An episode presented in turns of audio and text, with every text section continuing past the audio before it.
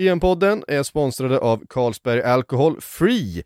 Carlsberg är ju för många välkända inom fotbollen, men eh, det som alla kanske inte vet är att budskapet som de släpper till sommaren i samband med mästerskapet är vid namn En del av laget. Här vill de visa bredden av alla supportrar runt om i landet, för oavsett vem du är eller vart du befinner dig så är vi alla en del av den blågula väggen. Och för att visa vilka ni är så kan ni gå in på endelavlaget.se. Det är alltså endelavlaget i ett ord.se och dela er bild för tillsammans så kan vi då heja fram våra landslag i sommar. Tack till Carlsberg Alcohol Free. Sportbladets EM-podd är sponsrade utav Mindler, Sveriges största psykologmottagning online. I Mindlers app hittar du flera så kallade IKBT självhjälpsprogram som kan utföras på egen hand eller tillsammans med en psykolog. IKBT självhjälpsprogrammen är helt kostnadsfria program som görs online och baseras på kognitiv beteendeterapi. I programmen får du övningar och info för att själv förbättra din psykiska hälsa. Du bokar ett första möte med en psykolog via video eller chatt för att få tillgång till programmen. Mindler har en mängd olika program som är skräddarsydda efter olika psykiska besvär som exempelvis ångest och stress. Ladda ner Mindlers app. Finns där appar finns.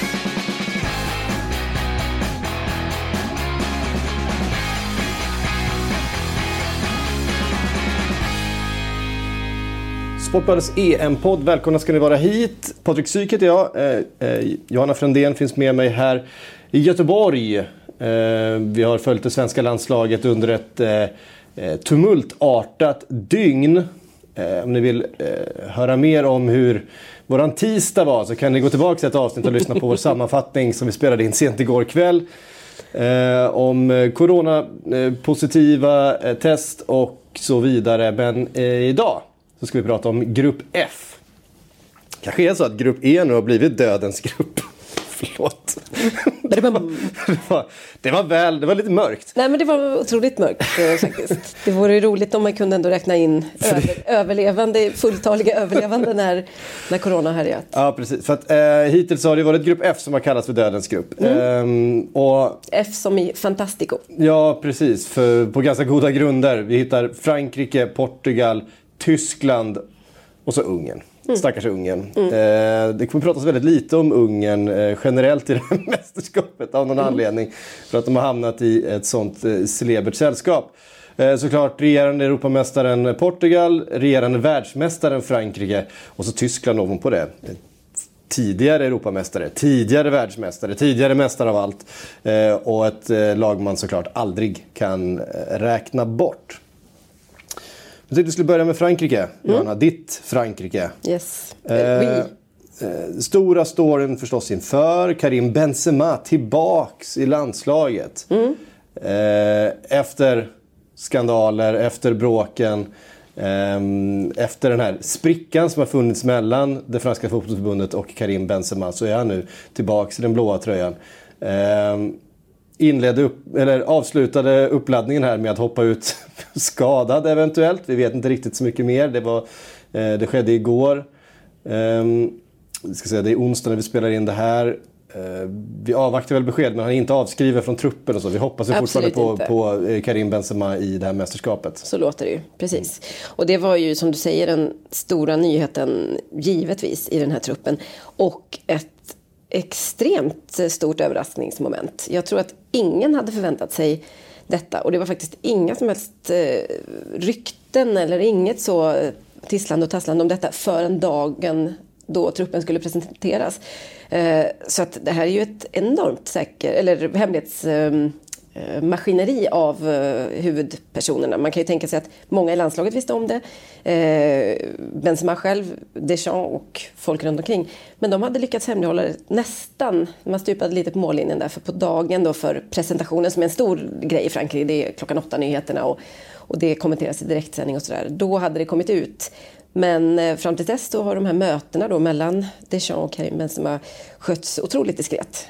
Så lite chapeau får vi ge dem till det då. Tyckte jag var imponerande. Sånt här brukar läcka ut snabbt som tusan. Verkligen, och han eh, blir ju verkligen en cherry on the cake, eh, säger man. Grädden på moset i ett redan stjärnspäckat lag. Ja, han, han kliver in då i ett anfall tillsammans med Mbappé och Griezmann. Så att Det är ju det är ingen dålig uppsättning de har, har såklart. Coman och Giroud och så vidare på bänken utanför. Så att det är verkligen en, eh, ett överflöd. Eh, det är ett överflöd på i stort sett alla positioner eh, i det här laget. Ja, det kan man nog säga. Jag tycker en talande bild är att man oroar sig lite för mittbacksbesättningen. Och då har man ändå Rafael Varan och eh, Clément Longley mm. eh, förmodligen Ja, Presnel Kimpembe, förlåt mig. Mm. Ja, då, man, har, man har de tre att välja på och det är inga dussinlirare men där tycker Frankrike att man har lite svaga säsonger bakom sig och möjligtvis lite slutkörda spelare och så. så att, ja, det, det är en... Eh, det jag kan, det är svårt att komma på när ett landslag hade den här otroliga eh, bredden och toppen senast. Eh, vi vet ju, vi är vana vid att spanska landslag kan utgöras av eh, hälften Real Madrid, hälften Barcelona-spelare och då går det lite av sig självt för de spelar bra ihop. Men här är det ju verkligen, du har någon från Real Madrid, någon från PSG, eh, ett gäng från Bayern München och så vidare och så vidare. Premier League-stjärnor som N'Golo Kanté och så vidare. Så att det, ja, det vattnas i munnen bara man tänker på det nästan. Mm. Eh, EM-finalist senast mot Portugal. Eh, guldmedaljörer i VM för tre år sedan. Det gör ju att man börjar känna att någon gång tar det ju slut. Någon gång tar det ju stopp för, ja. för det här gänget. Eh, och Frankrike har det ju i sig. Ja, verkligen. Att, att, att fucka upp. Att, att crash and burn liksom. Ja, precis. Nej, men jag, jag, och därför håller jag faktiskt inte dem riktigt som favoriter. Det är enbart på, det är inte på sportsliga grunder utan just för att det här känns inte som en situation där de generellt borde vara så lyckosamma. Eh, Frankrike gillar att slå lite underläge. Det är faktiskt inte... Det kan man inte säga att det här gänget gör. Nej, det gör de ju verkligen inte. Och, och man ska komma ihåg det att just på grund av att Frankrike så rent geografiskt är liksom omringat av Europas största fotbollsländer. Man har Spanien, man har Italien och man har Tyskland som man gränsar till. Och Frankrike har länge haft lite komplex för detta och det, det finns med i självbilden. Så att det, det, det finns eh, liksom goda skäl att och vara försiktig med att utnämna de här till stora favoriter. Eh, trots VM-guldet senast så är man inte eh, övertygad om sin egen förmåga faktiskt. Mm. Kylian Mbappé, 19 då i VM eh, när han tog guldet tillsammans med Frankrike för tre år sedan. Jag tror faktiskt inte han hade fyllt än, för han är inte född dessutom i december. Så att, ja, det är mycket möjligt. Mm. En teen var han i alla fall. Han var ett teen och han har nu haft tre stycken väldigt starka säsonger sen dess. Har ju vuxit ut till den här världsstjärnan verkligen. Som han på något sätt kanske blev i den VM-turneringen. Jag minns han, han sprintade ifrån några backar och det började pratas om eh, 100 eh, meters eh, rekord och ja, så vidare. Det. Det, var, det, blev en otrolig hype just runt eh, Kylian Mbappé som det mm. visserligen hade varit under säsongen innan då. Men eh, sen dess har han ju blommat ut till det här lagets viktigast spelare, största stjärna. Karim Benzema eller ej. Mm, absolut. Jag ska korrigera mig själv. Det var ju så att han eh, fyllde ju 20 senare det året. För det var, de gjorde en rolig genomgång, eh, Le Parisien tror jag det var, eh, hur, var alla hade befunnit sig när Frankrike tog det förra VM-guldet då. Och då var det någon som var fem år och tittade på matchen, inte vet jag, med mormor och morfar. Och så var det en bild på, en ritad bild på Karim Benzemas eller på, förlåt, Kylian Mbappés mamma och så låg han i magen. För det var ju mm. det, han var ju inte född då, det var ju Nej. det som var grejen. Men eh, visst. Eh, nej, det, det, är, han är den stora stjärnan och eh, har haft en, en, en, helt skaplig säsong får man ju säga med PSG. Så att det var, och, och, fått lite faktiskt utväxling på, i år. Det var nog ett par lite torrare säsonger faktiskt efter VM-guldet. Men Mbappé har växt ikapp och han verkar också väldigt glad över att Karim Benzema är tillbaka. Det är väl rimligt att tro att Mbappé var en av de som blev kontaktad först när, när, när Deschamps ville sondera terrängen och se om, om det fanns opinion för Benzema. Och det, det verkar det ha gjort. Han la ju upp en bild snabbt på de två när de iförda landslagsstället då high-fivade varandra. Och Eh, vän av ordning insåg att de har ju aldrig spelat landslaget ihop. Så här har ju någon monterat eh, Benzemas huvud på någon annans kropp. Vems var det? Var det Olivier Giroud eventuellt? Men eh, visst, eh, jag tror att det, att det här kan vara också en ta lite tacksam avlastning för, eh, för eh, Mbappé och för Griezmann för den delen. Som, som ju haft en lite småsnål säsong i vanlig mm. ordning i, i Barcelona även om de släppte målskyttet under en period här i, i våras. Precis, och sen eh, centralt N'Golo Kanté. Eh, mångas favorit ändå. Han mm. har ju K kanske mest, ja, framförallt för att han är en fantastisk fotbollsspelare eh, som eh, sticker ut med eh, liksom en uppsättning egenskaper som ganska få har. Men också för att han har en personlighet som verkligen sticker ut i ett eh, fotbollsmanna sammanhang. Mm. Hur, hur, populär är han i Frankrike? Jätte, jättepopulär. Otroligt populär. Av just de här skälen som du nämner. Att han är verkar så liksom tagen av, av all uppståndelse och, och, och pratar ner sig själv på något sätt eller låter i alla fall inte det här stiga honom åt huvudet. Och faktum är att det pratas ju en hel del i Frankrike om att gör han ett bra mästerskap så är han en het kandidat till eh, Ballon d'Or. Med tanke på eh, ja, att han just vann Champions League. Och, ja. precis. Eh, och att inte de andra stora favoriterna, normala favoriterna har liksom trillat av i Champions League lite, lite tidigare. Så att, eh, nej visst, han är väl populär. Det är ju ett populärt lag det här. Alltså, för det finns faktiskt många karaktärer som skiljer sig åt. Men Pogba som kommer spela bredvid honom då på ett eller annat sätt som, som är på ett helt annat sätt. Och, och, och Kanté såklart. Och sen så har vi liksom en backlinje där den var ganska nykomponerad i VM senast. Eh, och nu är det osäkert vilka som spelar på ytterbackspositionerna. Så det är hård konkurrens på alla håll i det här laget och väldigt mycket personligheter faktiskt. Mm. Ställs i första matchen mot Tyskland. Eh, ett, eh, Tyskland som kommer ifrån en extremt svag VM-turnering. Det är också Eh, Jogge Lövs sista dans med det här gänget. 61-årige Jogge Löv. Tänk, är det så pass alltså? Tänk att han har hunnit bli så pass gammal. Ja, men det är klart. Tränar man ett lag där i var det 15 år? Ja, det är något sånt. Ja. Ja. ja, nej, det, det, är ju en, en, en otroligt respektabel eh, landslagskarriär för hans del. Och känslan är ju att tyskarna som folk, men kanske också landslaget vill ge honom en liten av, avskedsgåva i och med ett lyckat resultat. Så att, eh, Vet du vad jag tycker det läskigaste är? Nej. Att ingen pratar om Tyskland. Nej, exakt. Och det är liksom, eh, Nej, det är ju, det är... man får aldrig glömma dem. Nej, Nej du har helt rätt. Nej, den, den, det, det, det är helt, eh, en helt riktig observation. Jag tror att eh, Tyskland också i, i kraft av att vara i den här gruppen kommer nog, eh, de har möjlighet att glida med ett tag innan vi förstår att det är på allvar. Mm. Hade de, det är klart, hade de varit i en annan grupp så hade vi antagligen pratat mer om dem. Nu är eh, Frankrike såklart en stor favorit. Portugal, regerande mästaren, mm. superlag, en stor favorit. Tyskland kan ju smyga med lite grann där. Nu finns ju också risk, risken att, att trean i den här gruppen faktiskt inte går vidare. Mm. Eh, Men, Nej, kan man, men kan man som Tyskland smyga vidare som en trea till exempel få... Eh, det är ju inget lag som vill ha Tyskland i en, i en, I en åt, åt, åttondelsfinal. Eh, så men man, de, de får nog ändå... Man kan aldrig kalla Tyskland för en dark horse i en turnering. För Nej. de, är, de är fortfarande Tyskland. Ja. Men det, det, är nästan den känslan man har lite grann med tanke på hur mycket vi pratar om några andra lag. Men det var ju också så, alltså utträ, utträdet senast ur eh, VM när man spelade i Sveriges grupp var ju också så grandiost på något sätt. Eller det blev ju verkligen spektakulärt. Ingen hade väl kommit ihåg om de hade åkt ut i en kvartsfinal kanske. Men just att de kom, kom de sist i Sveriges grupp dessutom. Ja, de ja, gjorde det till slut. Just det, precis. Mm. Så att, eh, nej, där finns ju verkligen någonting att repa. Och det, sen har det ju varit mycket kontroverser sen dess. Och ett gäng har kastats ut, någon har fått komma tillbaks. Mm. Eh, Mats Hummels är tillbaks igen ja, i laget. Precis ja. och så.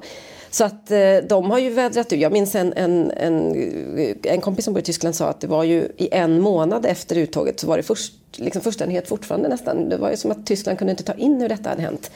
Eh, så de har nog gjort sin, de har liksom lagt sig på soffan och gjort sin terapi och eh, jag har ju svårt att tro att det blir två sådana eh, genomklappningar i rad. Nej, det, det, man, man, ser ju inte det Nej, framför sig. Även Thomas Müller är ju tillbaka i landslaget och efter mm. en, en tid utanför i någon slags försök att generationsväxla lite grann och sen så insåg man att... Vi har inga de... målgörare i den yngre generationen, det var lite så. Timo Werner fortsatte springa offside och mm. så fick vi ta tillbaks Thomas Müller igen. Men det är, det är samma sak här, det är ju ett lag proppfullt med enormt bra fot fotbollsspelare. Där finns mm. fortfarande eh, Tony Kroos, där finns fortfarande Joshua Kimmich, där finns fortfarande Leroy Sané. Mm. Alltså, och så vidare. Thomas Müller gör sällan dåliga landskamper. Ja. Eh, så det är ju ett lag som absolut kan gå hela vägen och vinna den här turneringen. Ja, det är klart de kan. Och framförallt så vet man ju att de plockar nästan alltid fram, med undantag för VM senast då, mm. den här eh, bisarra liksom, mästerskapsskölden på något sätt. Eh, och Tyskland är ju lite Frankrikes antites där faktiskt. Som vi ser att Frankrike har kryllat av talang men saknat självförtroende och jag är inte säker på att det har förändrats så mycket efter, efter VM-guldet senast. Så går ju Tyskland in i alla mästerskap med eh, insikten eller med inställningen att vi att vinner vi inte här så är det ett misslyckande. Eller det, utgångsläget är att vi måste vinna och det är vår plikt att vinna. Och, eh, och jag tänkte mycket på det inför eh, förra Champions League-finalen om vi får gå in på lite detaljer här. När, när eh, PSG ställdes mot Bayern München och många fransmän blev fortfarande lite chockade över hur självsäkra de var på, på den tyska sidan inför den matchen. Kan man, hur kan man prata på det sättet? Och inte det de saknar respekt för motståndaren och så. Men det, det är ju det tyska liksom, eh, undantaget på något sätt. Man, man säger det är klart vi vinner den här matchen. Alltså, det skulle förvåna mig mycket om vi inte vann VM. Så ser man på det i Tyskland och, och jag tror att i, i ett mästerskap där det är eh, så få matcher och så mycket som hänger på liksom, detaljer och marginaler så är det en, en otroligt viktig komponent. Mm. Och den där öppningsmatchen mot Frankrike i Tyskland mm.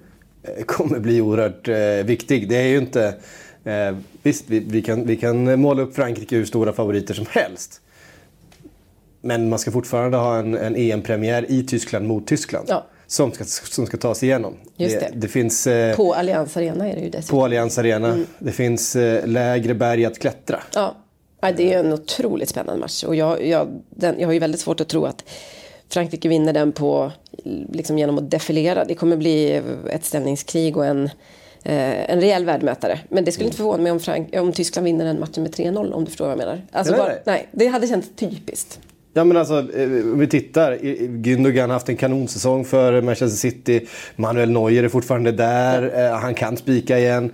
Vi nämnde Toni Kroos. Men dessutom spelare som Cherk eh, Kai Havertz som har kommit igång mm. för, för Chelsea. Mm. De har ju alla ingredienser i ja. det här laget också. Ja. Um, bara att de befinner sig i den här dödens grupp mm. som gör att... Eh, och skulle, när man ställer upp det så tror jag att många har Tyskland på den här tredje platsen just med tanke på motståndet. Men det är ganska små marginaler ändå som den där ettan, tvåan, trean kommer skilja sig åt rent eh, kvalitetsmässigt eh, ja. så här inför.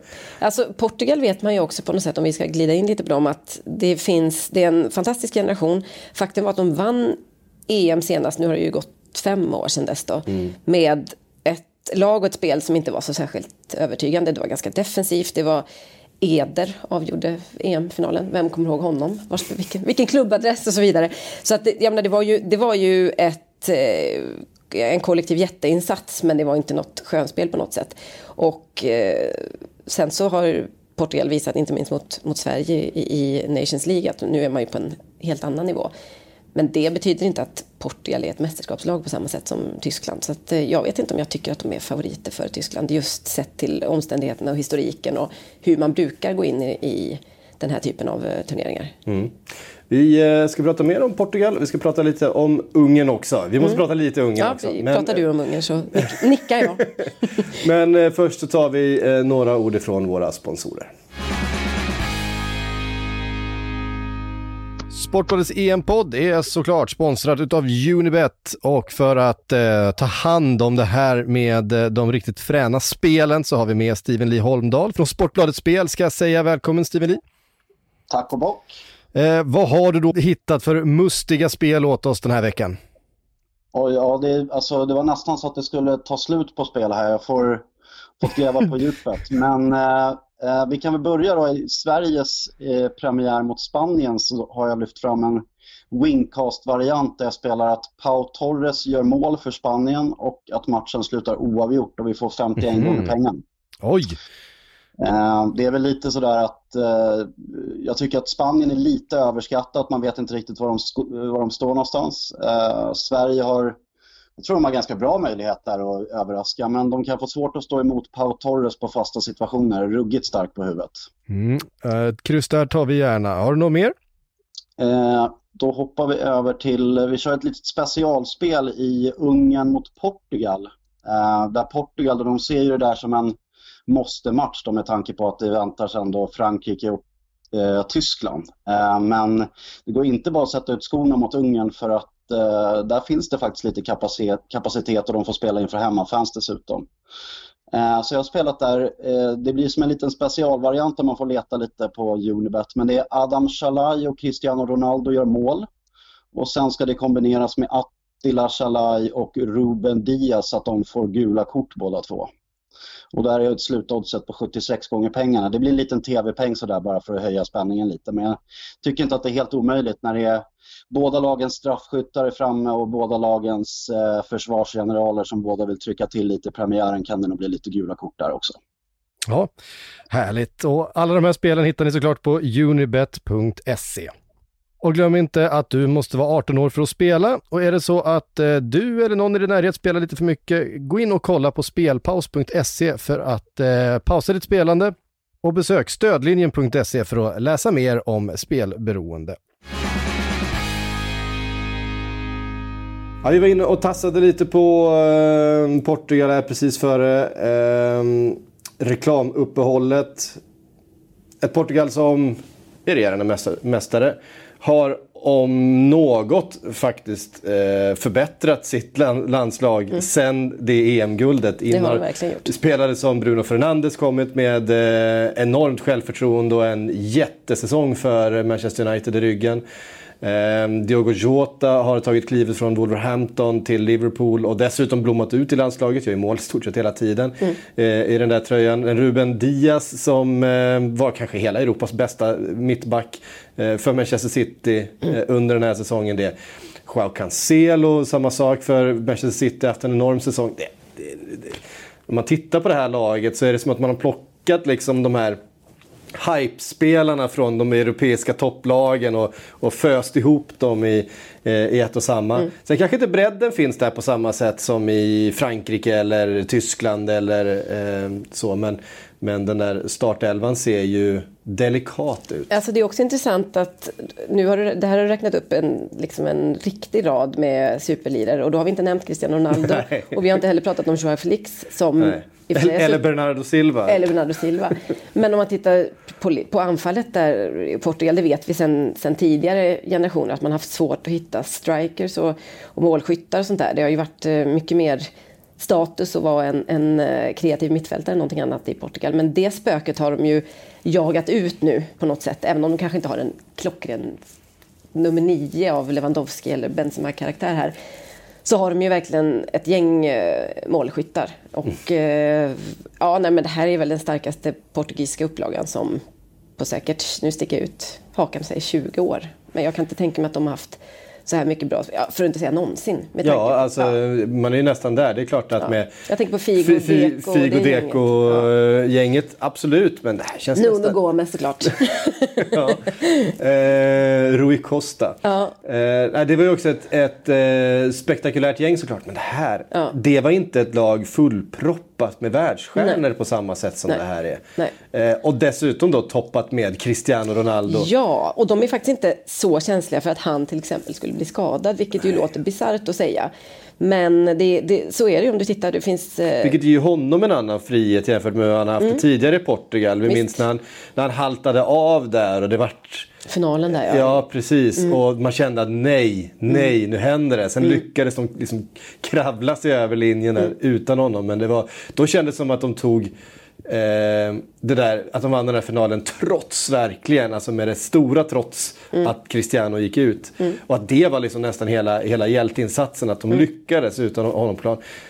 Om han försvinner här så finns ju så mycket. Alltså, även om vi tar bort honom inför här så känns ja, de fortfarande som ett av favoriterna. Ja, helt, jag instämmer helt i det. Det är, det är verkligen eh, det är en, en bredd och med en topp på bredden som jag... Det är svårt att tänka sig att de ska haft det tidigare i Portugal. Ja, det är nog den bästa kanske trupp om man tittar på alla positioner som de har åkt till ett mästerskap med. Och då, då är det ett land som konstant överpresterar sett till folkmängd och alla de här andra faktorerna som vi brukar räkna in. Precis, Portugal har väl ungefär lika många invånare som Sverige? Va? Ja, jag tror Någonstans det. runt där 10, 10 miljoner. miljoner ja. ehm, de har ett lite bättre fotbollslag.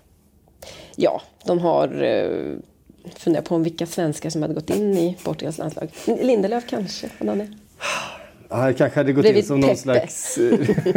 han hade inte petat Pepe. Nej, han kanske inte. hade knuffat José Font ur mm, truppen. Han är fortfarande, fortfarande där. Ja, fransk ligamästare vet du. Ja, det är sant. Mm. Det är sant. Men eh, nej, ja, visst är det... Visst är det Visst är det eh, nästan lite, mm, lite, vad ska man säga, waste att alla de här fantastiska spelarna ska vara med i samma grupp. Om det nu är så att vi inte får med oss tre lag från den här Mm. gruppen. Det är lite, nästan lite tråkigt för turneringen. Vi kan ju kanske, du får gärna svara på frågan hur i helvete alla de här kunde hamna. Vad är det sidningen som gör att de kunde komma i samma grupp? För det är ju frågan hela Europa ställer sig. Ja, precis. Det är Tyskland Eh, där som har åkt ner på, på jag- rankingsystemet. Ja, jag, jag har faktiskt försökt eh, gå tillbaka. Här. Det var väldigt svårt att hitta exakt hur det gick till. Eh, det är lätt att säga hur Ungern kom dit. Ja. Eh, vi de kvalificerade sig genom, genom eh, eh, Nations League. Mm. Nej, men så var det det att Portugal faktiskt bara kom tvåa i sin grupp. Eh, Mm. i, I kvalet bland annat. Ehm, som gjorde att rankingpoängen blev sådana att de hamnade i olika eh, sidningsgrupper. Ehm, så att eh, det fanns ju, det fanns ju eh, jag, jag minns ju den här ehm, lottningen att eh, det stod mellan, jag tror att England också riskerade hamna i den här gruppen då, och så blev det Frankrike istället, eller för det var Tyskland istället. Eh, jag minns inte exakt men det, eh, det är ju såklart att det här hade kanske inte varit det Uefa hade önskat eh, i första hand. Men Nej, precis. när ska de där varma och kalla bollarna liksom eh, plockas fram egentligen om inte vid, ett, eh, Europa, vid en Europalottning? Nej, just det. Eh, Men det blir ju otroligt roligt för den här gruppen. Och det, det är ju liksom hela mästerskapets eh, grupp på något sätt. Eh, Och en sån ska man ju ha också. Så att, eh, Ja, alltså på det sättet fyller ju en sån här grupp verkligen en funktion för att för vissa, eh, framförallt kanske andra länder än, jag menar det är klart som vi i Sverige, vi har ju kanske alla våra matcher i gruppspelet. Eh, men frågar du en italienare så kanske han vaknar till när gruppspelet är över och det är dags för finalerna eller en, eller en eh, engelsman eller så vidare. Då finns ju faktiskt för de här lagen Eh, väldigt mycket som står på spel redan i, i gruppspelet. För, för att Frankrike kanske inte det hade varit så mycket om det hade varit Sverige och Finland och eh, vad vet jag? Ungern. Ungern. nej. Nej, så är det ju. Det är ju. eh, Alla de här får ju nog ställa sig in på att de tuffaste motståndarna kommer i gruppspelet. Sen blir det nog en lite lugnare resa om man tar sig ur det. Och det gäller ju även spelarna. Vi har ju sett en del av de här bästa lagen lite ställa ut skorna i början mot, mot ett sämre lag och känna att amen, avancemang löser vi ändå. Och vi är inte så bekymrade över eh, vilka vi får i en åttondel heller. Ja, just det. Ehm, däremot så kommer grupp D vara lite bekymrade över att vinna sin grupp. Därför Mm. att vinnaren i grupp D får möta eh, tvåan, Tvåan. i den här gruppen. Men det är ju inte roligt att möta vare sig ettan eller tvåan i den här gruppen. Nej, det spelar nästan ingen roll. Eh, eller trean för den Nej. delen. Om man ska vara riktigt ärlig. Nej. Mm. Det är ju Englands grupp. Så att, eh, mycket spekulationer om att England ska vika ner sig mot just Skottland som de vill ha i sin eh, sista match där. Mm. Eh, för att eh, kanske skänka bort den där första platsen till ett Kroatien. Just det. Eh, men ja, det där blir ju spekulationer. Jag har svårt att se England vika ner sig mot just Skottland. Ja, framförallt så måste man ju säga att det här upplägget som när det är 24 lag och bästa treorna går vidare så går det nästan inte att spela på resultat för det är för mycket osäkra faktorer i andra grupper. Det, det går inte att eh, strategi tänka sig fram till en bra åttondelsfinal. Det, det är för mycket, som, för mycket osäkra eh, komponenter i de andra grupperna tror jag för att det ska gå att resonera så. Och rätt som det är så skräller Ungern sig fram till en andra plats och då är det inte så fel kanske att ha vunnit eh, den där grupp D i slutändan. För, ehm, Ungern har faktiskt haft eh, en väldigt bra uppladdning inför det här mästerskapet. Har, har eh, gått väldigt bra i VM-kvalet som, Ja. har, som har inletts och har sett ganska starka ut. Det är ju ett lag såklart som inte har en massa stjärnor. Där finns en eh, Peter Gulaschi och eh, Willy Orban från eh, RB Leipzig som eh, ja, spelar på den högsta nivån. Eh, så att säga. Såklart inga stjärnor någon av dem. Eh, Peter Gulaschi, eh, en, en habil målvakt, kommer ha mycket att göra. Han kommer behöva kliva kommer fram om de, ska, om de ska ha någon chans att, att skrälla här. Framförallt så ska vi inte glömma då att eh, det finns två hemmalag i den här gruppen och det är Tyskland då som spelar i München och Ungern som har två av sina matcher i Budapest men den tredje får de alltså spela i Tyskland. Ja. Vilket vi slog fast var lite orättvist här på förhand. Men eh, nu så, ja, den här hemmafördelen har vi ju nästan räknat bort under året som gick för det har inte gjort någon skillnad men nu är det ju publik med i ekvationen. Och då är det klart att det kommer spela in. Det kommer vara väldigt känslosamt tror jag för många av de här spelarna. Och, och, och få kliva in inför sin hemmapublik. Och då kanske det kan bli en, en, en liten X-faktor i alla fall. Jag tror att, jag menar Ungern kanske säger att de kniper en poäng så ska, redan där skapar de lite oreda i, bland de här stora elefanterna. Mm. Um, faktum är faktiskt att Ungern fram till de här träningsmatcherna som var nu eh, eh prisinförare faktiskt bara förlorat en av de elva senaste landskamperna mm. i Nations League och i VM-kvalet. Ja, det är, det är Så att, eh, det, är ett, ändå, det är ett samspelt lag som kan vinna fotbollsmatcher. Mm. Sen talar ju ingenting för att de kommer göra det i det här sällskapet. Eh, tittar man på spelarna de har så är det spelare en del från, eh, från turkiska ligan, eh, Endre Botka från eh, förlåt, Attila Salai från Fenerbahce. Eh, det är en del från inhemska ligan. Eh, eh, ja, det, det, det, är liksom inga, inga namn som vi känner igen som är där ute. Det är väldigt mycket inhemskt. Men det är också ett lag som har spelat en hel del tillsammans då och faktiskt vunnit en hel del matcher med Eh, med landslaget. Så att, eh, det kan betyda ganska mycket, inte minst på, på hemmaplan. Nej. Nej precis, Nej, men jag tror att det kan bli eh, alltså, riktigt härlig stämning på Ferenc Puskas-stadion heter det väl? Jag drar till ja det gör den. Ja, jag menar Jajamän. det. i, I Budapest. Fantastisk stad också om vi ska gå lite utanför det fotbollsmäss fotbollsmässiga. Men en, ett, vad sa du, oöverstigligt berg. Jag tror jag skriver under på det. det ja, jag tror det.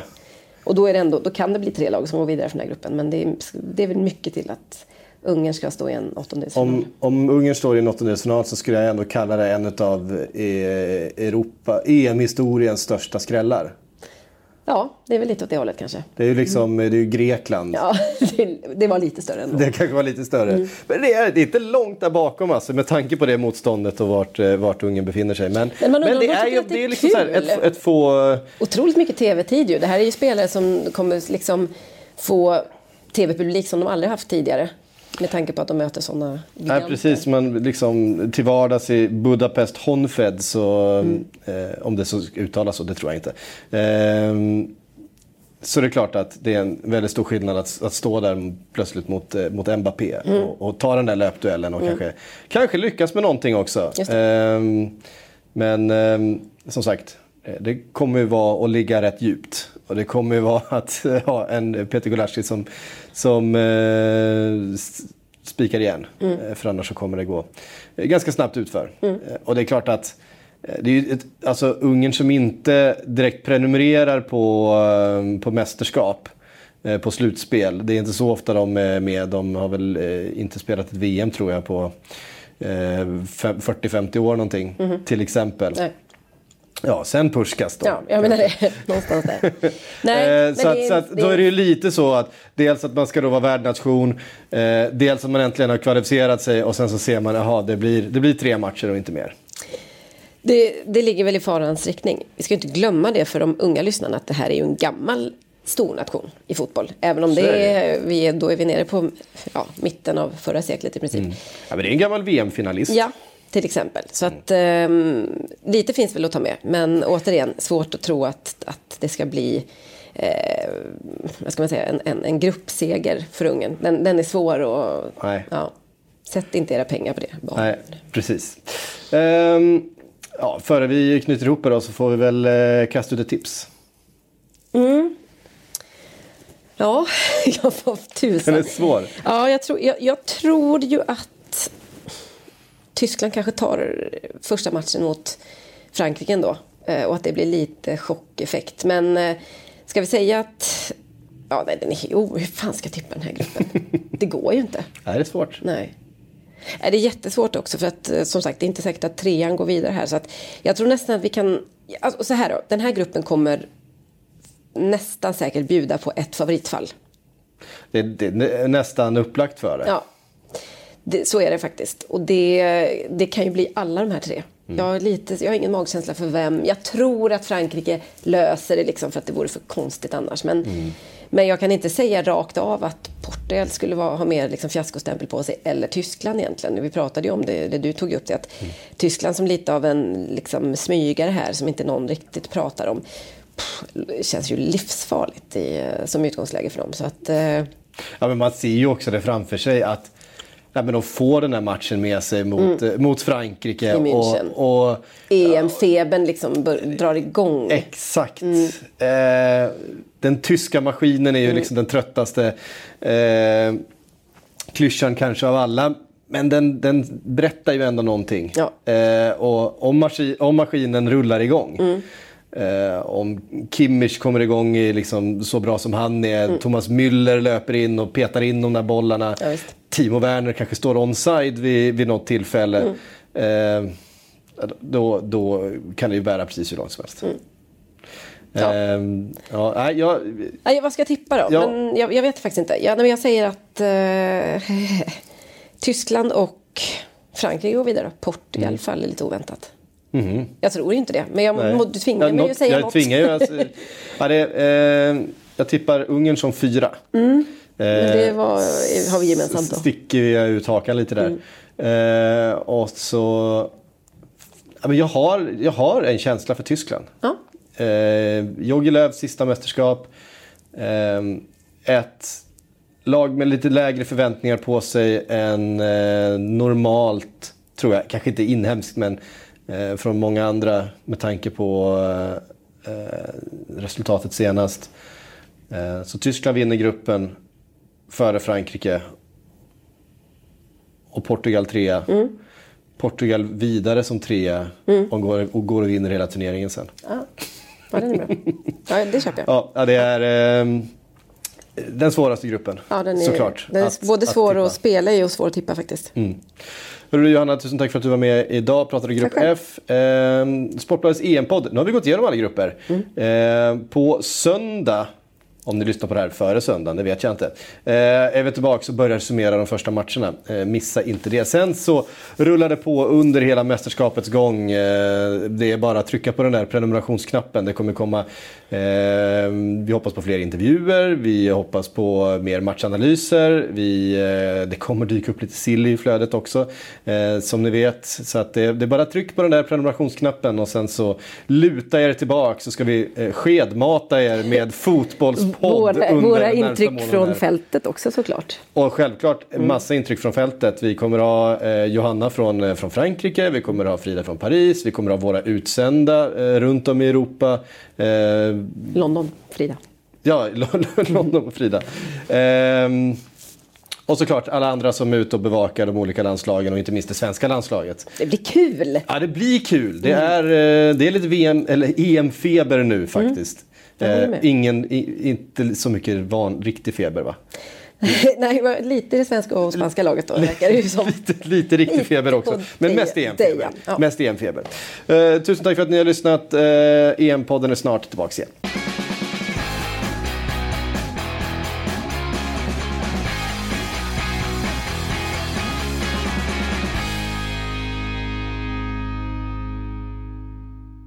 Du har lyssnat på en podcast från Aftonbladet. Ansvarig utgivare är Lena K Samuelsson.